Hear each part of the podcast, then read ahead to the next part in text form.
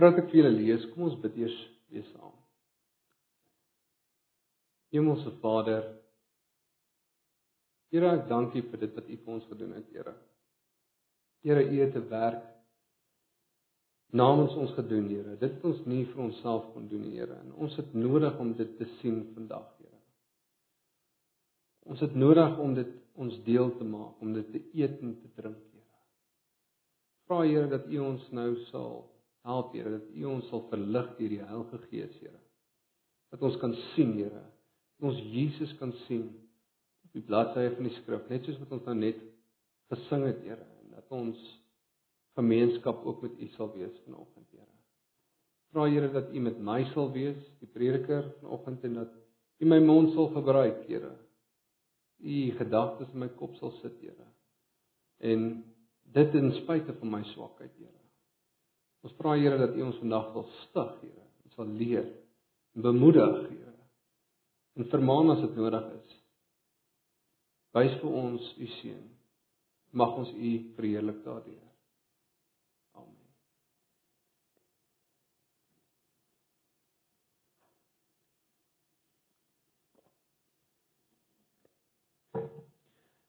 Ek gaan vanoggend vir julle lees van Lukas 22 vers 7 tot 20. En ons gaan 'n bietjie kyk na die nagmaal. Vir julle sommer die woorde daar op die skerm gesit so as julle saam met my wil kyk, is julle meer as welkom. Lukas 22 vers 7 tot 20. Vers 7. En die dag van die ongesuurde brode het gekom waarop die Pasga geslag moes word. Toe stuur hy Petrus en Johannes en sê: "Gaan berei die Pasga vir ons dat ons dit kan eet." En hulle sê vir hom: "Waar wil jy hê moet ons dit berei?" En hy antwoord hulle: "Kyk as julle in die stad ingaan, sal 'n man julle ontmoet wat 'n kruik water dra. Volg hom na die huis waar hy ingaan. En julle moet vir die eienaar van die huis sê: "Die meester vra u, waar is die kamer waar ek die Pasga met my disippels kan eet?"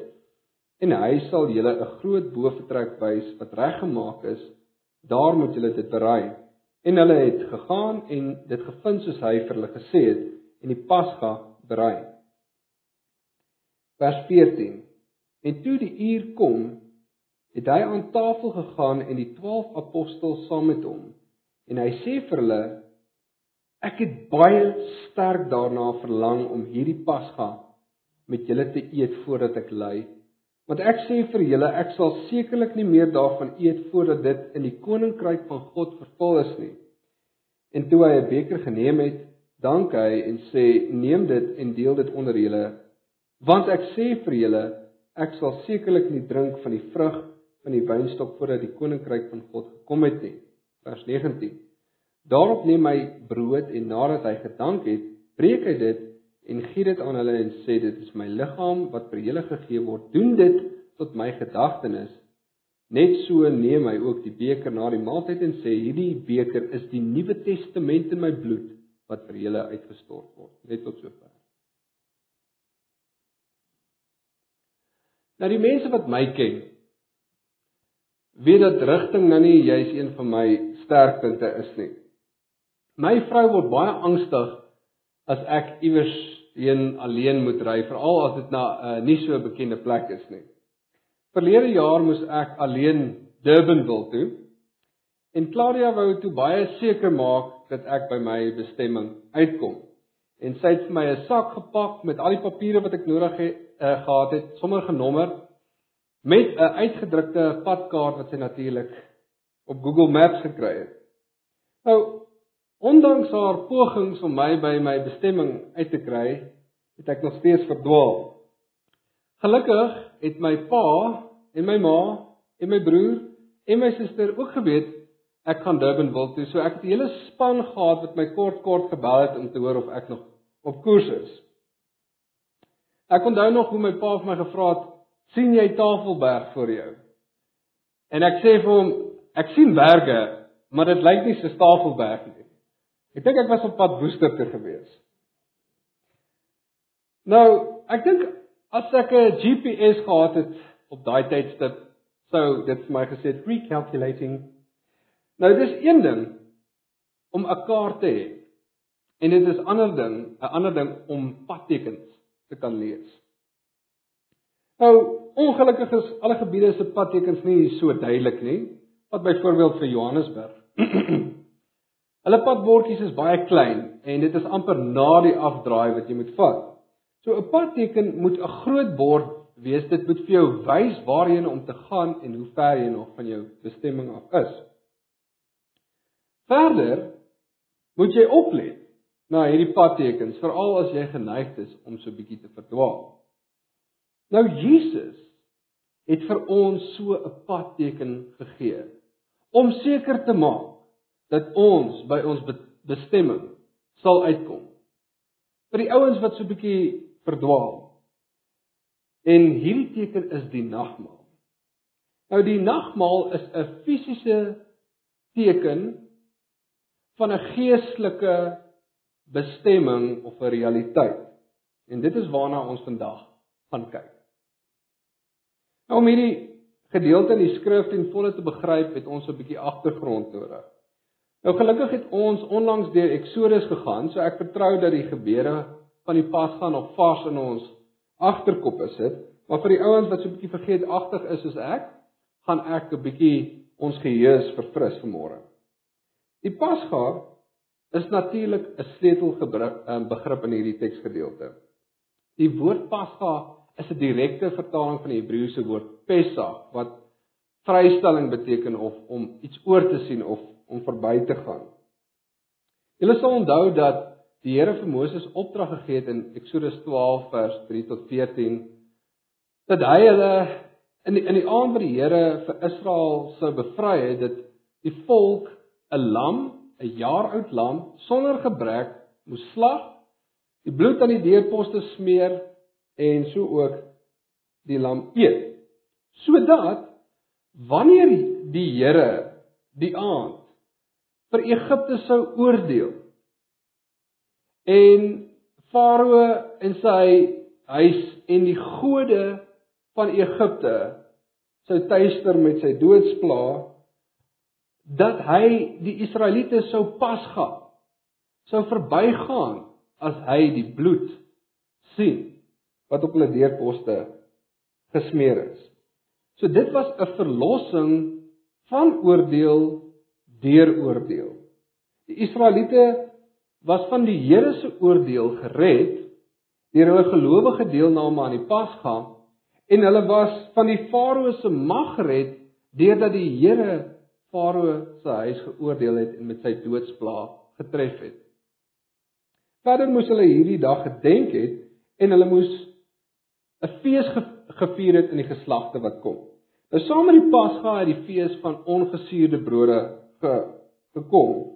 Die Israeliete moes alle suurdeeg uit hulle huise uit verwyder en ehm um, hulle moes vir 7 dae lank ongesuurde brode geëet het. Nou hierdie was 'n heilige gedenkdiens en hulle moes hulle werk laat staan want die Here het hulle uit Egipte uitgelei. Met ander woorde, hulle moes nie gewerk het nie want die Here het vir hulle 'n werk gedoen.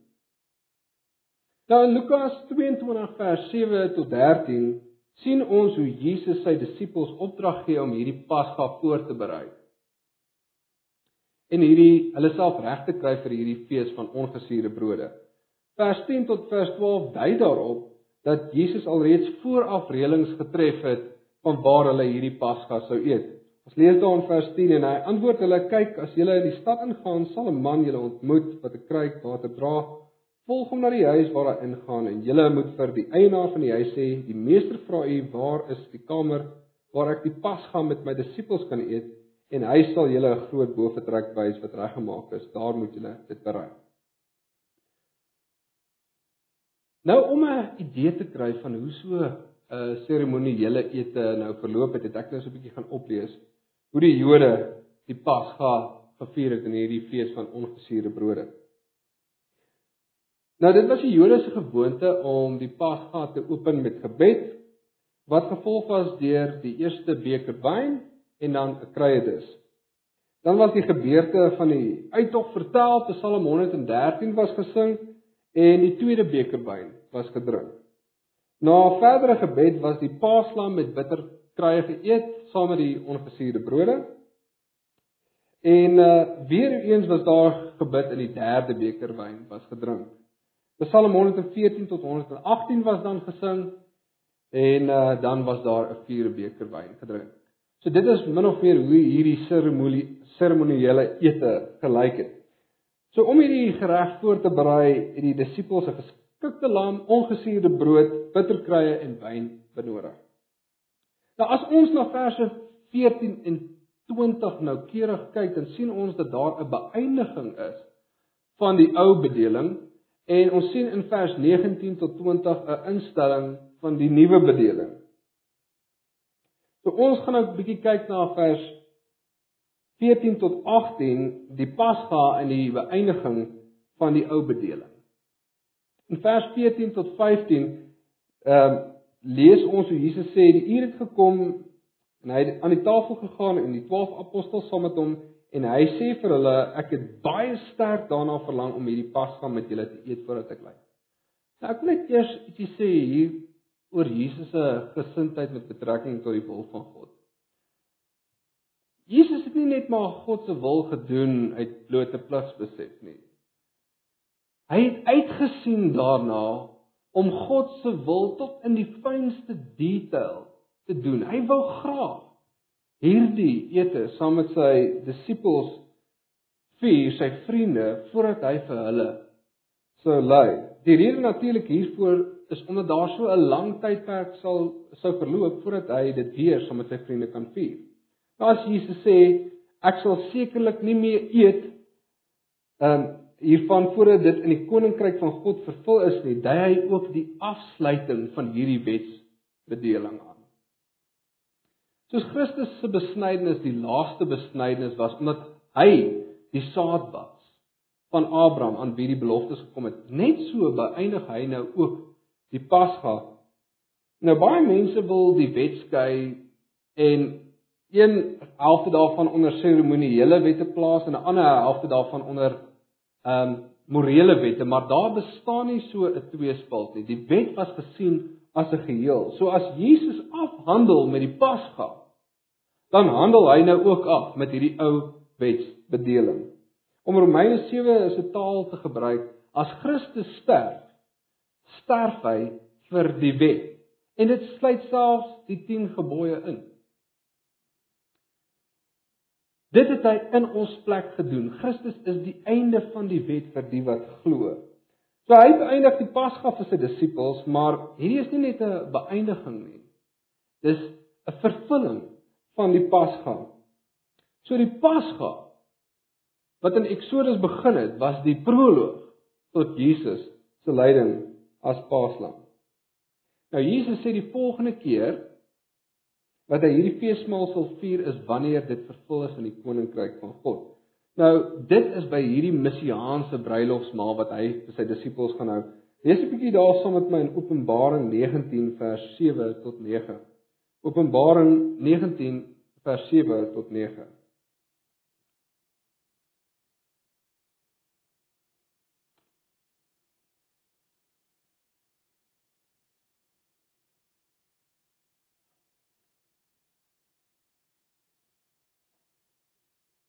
vers 7. Laat ons bly wees en ons verheug en aan hom die heerlikheid gee want die bruilof van die lam, weer eens hier is hierdie pasga tipe van taal gebruik. Die bruilof van die lam het gekom en sy vrou het haar gereed gemaak. En aan haar is gegee om bekleed te wees met rein en blink fyn linne want die fyn linne is die regverdige dade van die heiliges. Ek smaal oor hoe die Bybel homself verduidelik. Ons het nie nodig om te raai wat dit beteken nie. Toe sê hy vir my: "Skryf salig is die wat genooi is na die bruilofsmaal van die Lam." Dis dit is die waaragtige woorde van God. So ons sien dus in die laaste Pasga hierdie vooruitskouing na Jesus se bruilof, die bruilof van die van die Lam. Nou as Christus sê ek sal sekerlik nie drink van die vrug van die wynstok voordat dit voordat die koninkryk van God gekom het nie, verbind hy die koms van die koninkryk met die lyding wat hy van gepraat het in vers 15 of sy kruisiging. So met Christus se koms en met sy kruisiging het die koninkryk reeds gekom en dit sal verwerklik word as hy weer kom om saam met sy bruid die heiliges aan te sit aan hierdie bruilofsmaal. Maar baie belangrik en dit is wat ons hier moet raak sien. Jesus wil sy disippels se aandag fokus op die koninkryk. En ons sal binne 'n kort sien hoekom dit so is. Nou dit bring ons by vers 19 tot vers 20. Die instelling van hierdie nuwe bedeling. Dat die brood wat gebreek word en die wyn wat uitgestort word kan as 'n profetiese aksie gesien word van Jesus as die profeet wat wil wys vir ons hoe sy lewe vir sy disippels uitgegiet sou word. Jesaja 53 vers 10 tot 12 sê die volgende: Maar dit het die Here behaag om hom te verbrysel. Hy het hom krank gemaak as sy siel 'n skuldoffer aangebied het, sal hy 'n nakroos sien. Hy sal die dae verleng en die welbehaag van die Here sal deur sy hand voorspoeg wees. Weens die moeitevolle lyde van sy siel sal hy dit sien en versadig word. Deur sy kennis sal my knegt die regverdige baie regverdig maak en hy sal hulle skuld dra. Daarom sal ek hom 'n deel gee onder die grootes en met magtiges sal hy byt verdeel omdat hy sy siel uitgestort het in die dood. Daarso kry ons daai prentjie. En saam met die oortreders getel was terwyl hy tog die sonde van baie gedra het en vir die oortreders gebid het. Nou profete moes baie keer hulle profeseë fisies uitbeeld of selfs optree voordat hierdie profeseë in vervulling gegaan het. Soos byvoorbeeld Esegiel moes sy baard afgesny het. 'n Derde daarvan moes hy in die wind verstrooi het. 'n Derde daarvan moes hy met sy swaard in stukke opgekap het en 'n derde daarvan moes hy verbrand het om te wys wat sal met Israel gebeur weens hulle volhardende ongeloof en ongehoorsaamheid. So die profete se aksie is nie vervulling van die profesie nie. Dit is 'n heenwysing na die vervulling van die profesie. So as Jesus sê dit is my liggaam en dit is die Nuwe Testament in my bloed, dan is dit voor die hand liggend dat dit as verteenwoordiging van sy liggaam en sy bloed staan, want daar sit Jesus voor hulle liggaamlik en sy bloed vloei nog in sy are. So die nagmaal is die padteken na ons eindbestemming. Dis nie die vervulling van die profesie nie, dit is 'n heenwysing na die vervulling van die profesie.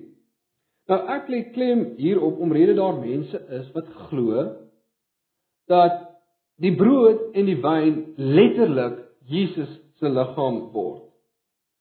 En dat die nagmaal in sigself 'n offer is vir sondes.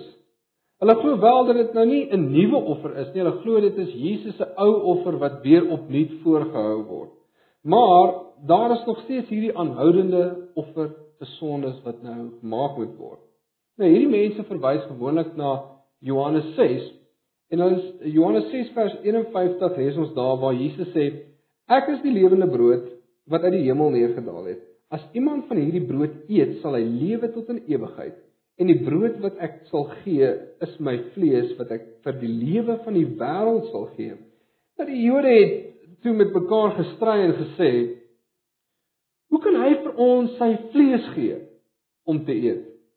En Jesus sê vir hulle: "Verwaar, verwaar, ek sê vir julle, as julle nie die vlees van die seun van die mens eet en sy bloed drink nie, het julle geen lewe in julle nie."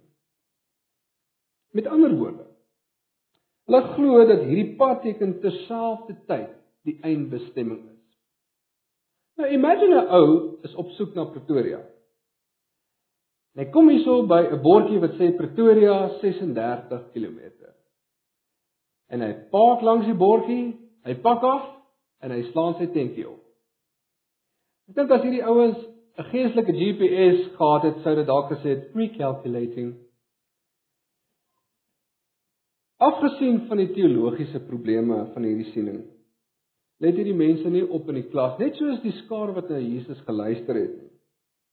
Nou in vers 35 van Johannes 6, nog voordat Jesus daarop aandring dat die mense sy vlees moet eet en sy bloed moet drink, sê hy die volgende en, en hierdie ouens moet ons moet luister hierna. Hy sê in vers 35: Ek is die brood van die lewe. Wie na my toe kom, sal nooit honger kry nie en wie in my glo, sal nooit dors kry nie. So hoe stil jy jou honger? Eet jy? Jy kom na Jesus toe. Hoe les jy jou dors? Drink jy? Jy glo in Jesus. So om Jesus se vlees te eet en sy bloed te drink moet verstaan word in die lig van Jesus se eie verduideliking van kom en glo. Maar Johannes se evangelie wys by uitstek hoe mense weens hulle letterlike opvatting van Jesus se simboliese spraak nie verstaan het en begryp het wat Jesus wou kommunikeer nie. Ons sien in hoofstuk 3 dat Nikodemus dink Jesus sê vir hom hy moet weer terug in sy ma se maag klim. Hoofstuk 4 sê die dink die Samaritaanse vrou Jesus praat van haar twee oë as hy praat van die lewende water. Hoofstuk 6 dink die mense Jesus sê hulle moet hom kannibaliseer as hy sê julle moet my vlees eet en my bloed drink. In hoofstuk 11 dink die ouens dat Lazarus 'n uiltjie knip terwyl Jesus vir hulle probeer sê die man is dood en ek moet hom gaan opwek.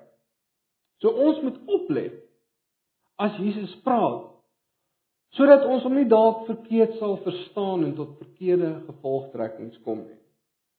So die nagmaal weer eens is nie 'n sondoffer nie. Dit is 'n gedenksmaaltyd. Dit is 'n fisiese teken na 'n hemelse bestemming of realiteit. Dit is belangrik om raak te sien dat Jesus Jesus sy opdrag aan sy disippels gee om dat hulle sal voortgaan met hierdie seremoniele ete in gedagtenis van hom. So dit is 'n gedenksmaaltyd soos die Pasga. So ons verkondig Jesus se dood wat hy eens en vir altyd gesterf het. Hy het nie nodig om elke nou en dan weer geoffer te word nie. En sy bloed was nie net genoeg om 'n volk se sondes te bedek nie, maar om die hele wêreld se sondes weg te neem. So die beker wat ons vanoggend hierso sien hier voor ons, is 'n simbool van sy bloed, die offer van hierdie nuwe verbond wat hy nou begin. So met die afsluiting van die ou verbond het ons gesien is daar ook 'n inhuldiging van hierdie nuwe verbond. Nie met bloed van stiere of bokke soos wat die Hebreërs skrywer vir ons nou aan herinner nie, maar met sy eie bloed het Jesus as 'n hoëpriester homself geoffer vir sy disippels om vrede te maak tussen God en die mense wat in hom glo en vir Jesus volg.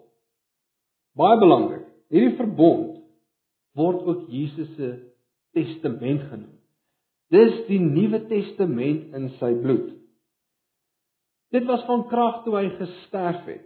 Nou as jy dink aan 'n testament, dan moet jy vir jouself vra, wat word hier bemaak? En ons moet sien dat Jesus hier iets bemaak aan sy disippels.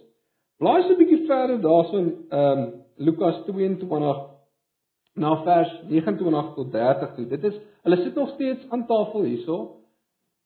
Jesus het nou net vir hulle gesê hierdie is die nuwe bedeling wat ek nou instel. Hierdie is die Nuwe Testament in my bloed.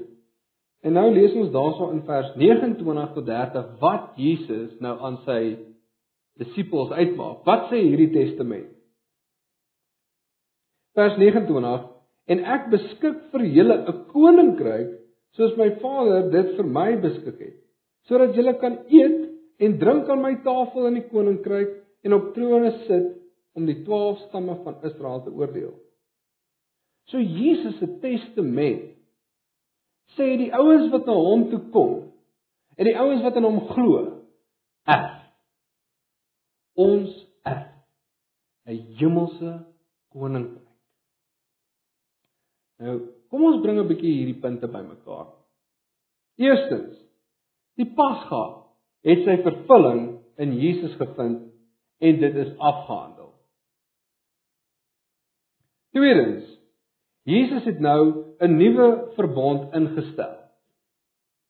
Oftewel 'n Nuwe Testament wat van krag was toe sy bloed vir hierdie disippels gevloei het.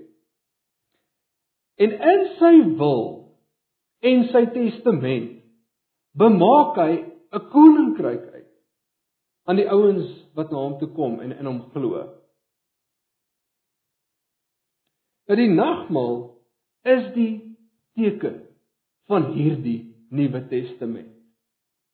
So Jesus wil sy disippels se aandag rig op homself en hy wil hulle verseker julle gaan erf. Nou, wat wil Jesus vir ons wys van homself as hierdie nagmaal 'n teken is, 'n heenwysing na Jesus? Wat wil Jesus van, van ons oor homself wys? Nou drie amptes van Jesus word nou hierso vir ons uitgelig. Eerstens, sy koningskap. Volgende slide daar sou Louise. Eerstens, sy koningskap. Hy is die koning van hierdie koninkryk. En hy gaan 'n bruilofsmaaltyd hou. En sy disippels erf hierdie koninkryk. Dit hierdie koning kan hierdie koninkryk bemaak aan wie hy wil. Tweedens, sy profeetskap. As profeet kommunikeer Jesus sy lyding deur middel van hierdie tekens wat hy gebruik. Aan sodat hulle kan sien as te ware wat hy vir hulle gaan doen, hoe sy lewe uitgegiet gaan word vir hulle, hoe sy vlees vir hulle gebreek gaan word.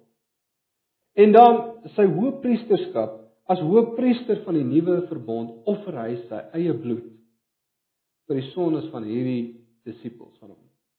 So weer eens die nagmaal is die Nuwe Testament se visuele hulpmiddel om vir ons Jesus, ons koning, priester en profeet uit te lig en om om ons te verseker dat ons gaan erf. Nou ons almal verdwaal so 'n bietjie. Ons almal as ons nou mooi kyk na dit wat die Bybel vir ons sê, is mag geneig om bietjie van koers af te gaan. En Jesus kom om seker te maak dat ons by ons eindbestemming uitkom. Gee hy vir ons hierdie padteken wat na hom toe wys. So as jy sukkel, as jy bietjie verdwaal, as jy sukkel om op koers te bly, kom kyk vanoggend na die nagmaal. Drink proe dit. sien wat Jesus vir jou en vir my gedoen het. So as jy vanoggend na die nagmaaltafel toe kom, sê jy per implikasies: Jesus, ek kom. Ek glo in dit wat U vir my gedoen het en dankie vir my erflating. Dankie vir hierdie Nuwe Testament. Nou die Pasga was 'n skadu van die werklike. Hoewel Jesus die Pasga afgehandel het, vier ons nou ook 'n nuwe Pasga. Dit is hierdie Nuwe Testamentiese Pasga en ek wil vir julle daarso lees in 1 Korintiërs 5 vers 7 tot 8. Daarso sê Paulus: "Suiwer dan die ou suurdeeg uit sodat julle 'n nuwe deeg kan wees, soos julle inderdaad ongesuurd is. Want ook ons Paaslam is vir ons geslag, naamlik Christus. Laat ons dan fees vier nie met die ou suurdeeg met die suurdeeg van ondeeg en boosheid nie." Maar met die ongesuurde brode van reinheid en waarheid. Christus, ons gebreklose, sondelose paaslam, is vir ons geslag om ons te red van oordeel deur oordeel. God se oordeel pas gaf vir jou en vir my omdat dit nie vir Jesus gepas gehad het nie. So as jy vanoggend honger daarna om in 'n regte verhouding met God te kom staan? Kom en glo. Dit is hoe jy honger stil en jou dors les. Nou ek sluit af. Net soos die Israeliete hulle werke moet laat staan. Want die Here het vir hulle 'n werk gedoen. Hy het hulle uit Egipte land uitgebring. Net so moet ons God se rus binnig. Want hy het vir ons gewerk. Hy het 'n werk vir ons volbring in Jesus. Die Paaslam wat vir ons geslag is. Verder moet ons onsself toespits op heiligheid. Hierdie is 'n heilige gedenkdiens. Ons word van ons sondes vir goeie werke gered. Ons word nie van ons goeie werke vir sonde gered nie. So as daar suurdeeg in jou hart is vanoggend, gaan krap 'n bietjie daarop. Gooi hierdie suurdeeg uit. Ons moet hierdie hierdie diens vanoggend met reinheid en waarheid vier. Wees eerlik met God oor dit wat in jou hart is. Moenie 'n Judas op jouself trek en Jesus mis omdat daar gierigheid in jou hart is nie. Bring dit voor God. Raak God ontslae daarvan. En laat hy jou was met die bloed van sy seun.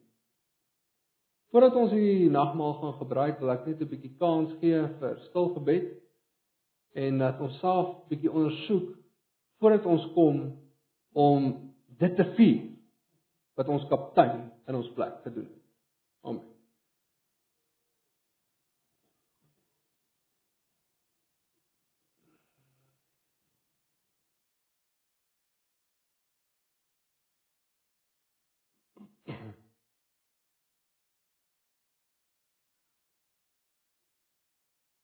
Ons hemelse Vader, baie dankie dat ons nou rondom die nagmaals tafel kan herdenk dat u seun ons sondes gesterf het. Dat hy opgestaan het uit die dood en dat hy nou regeer oor sy kerk en oor die kinders wat u aan hom gegee het. Laat ons nou vanoggend uit dankbaarheid saam met hom hierdie geleentheid vier. In die naam van u seun Jesus Christus bid ons dit. Amen. Broers en susters, die brood wat ons breek is 'n teken van ons gemeenskap met die liggaam van Christus. Neem eet, dink daaroor na en glo dat Christus se dood verzoening vir al ons sondes gebring het. Die beker en wyn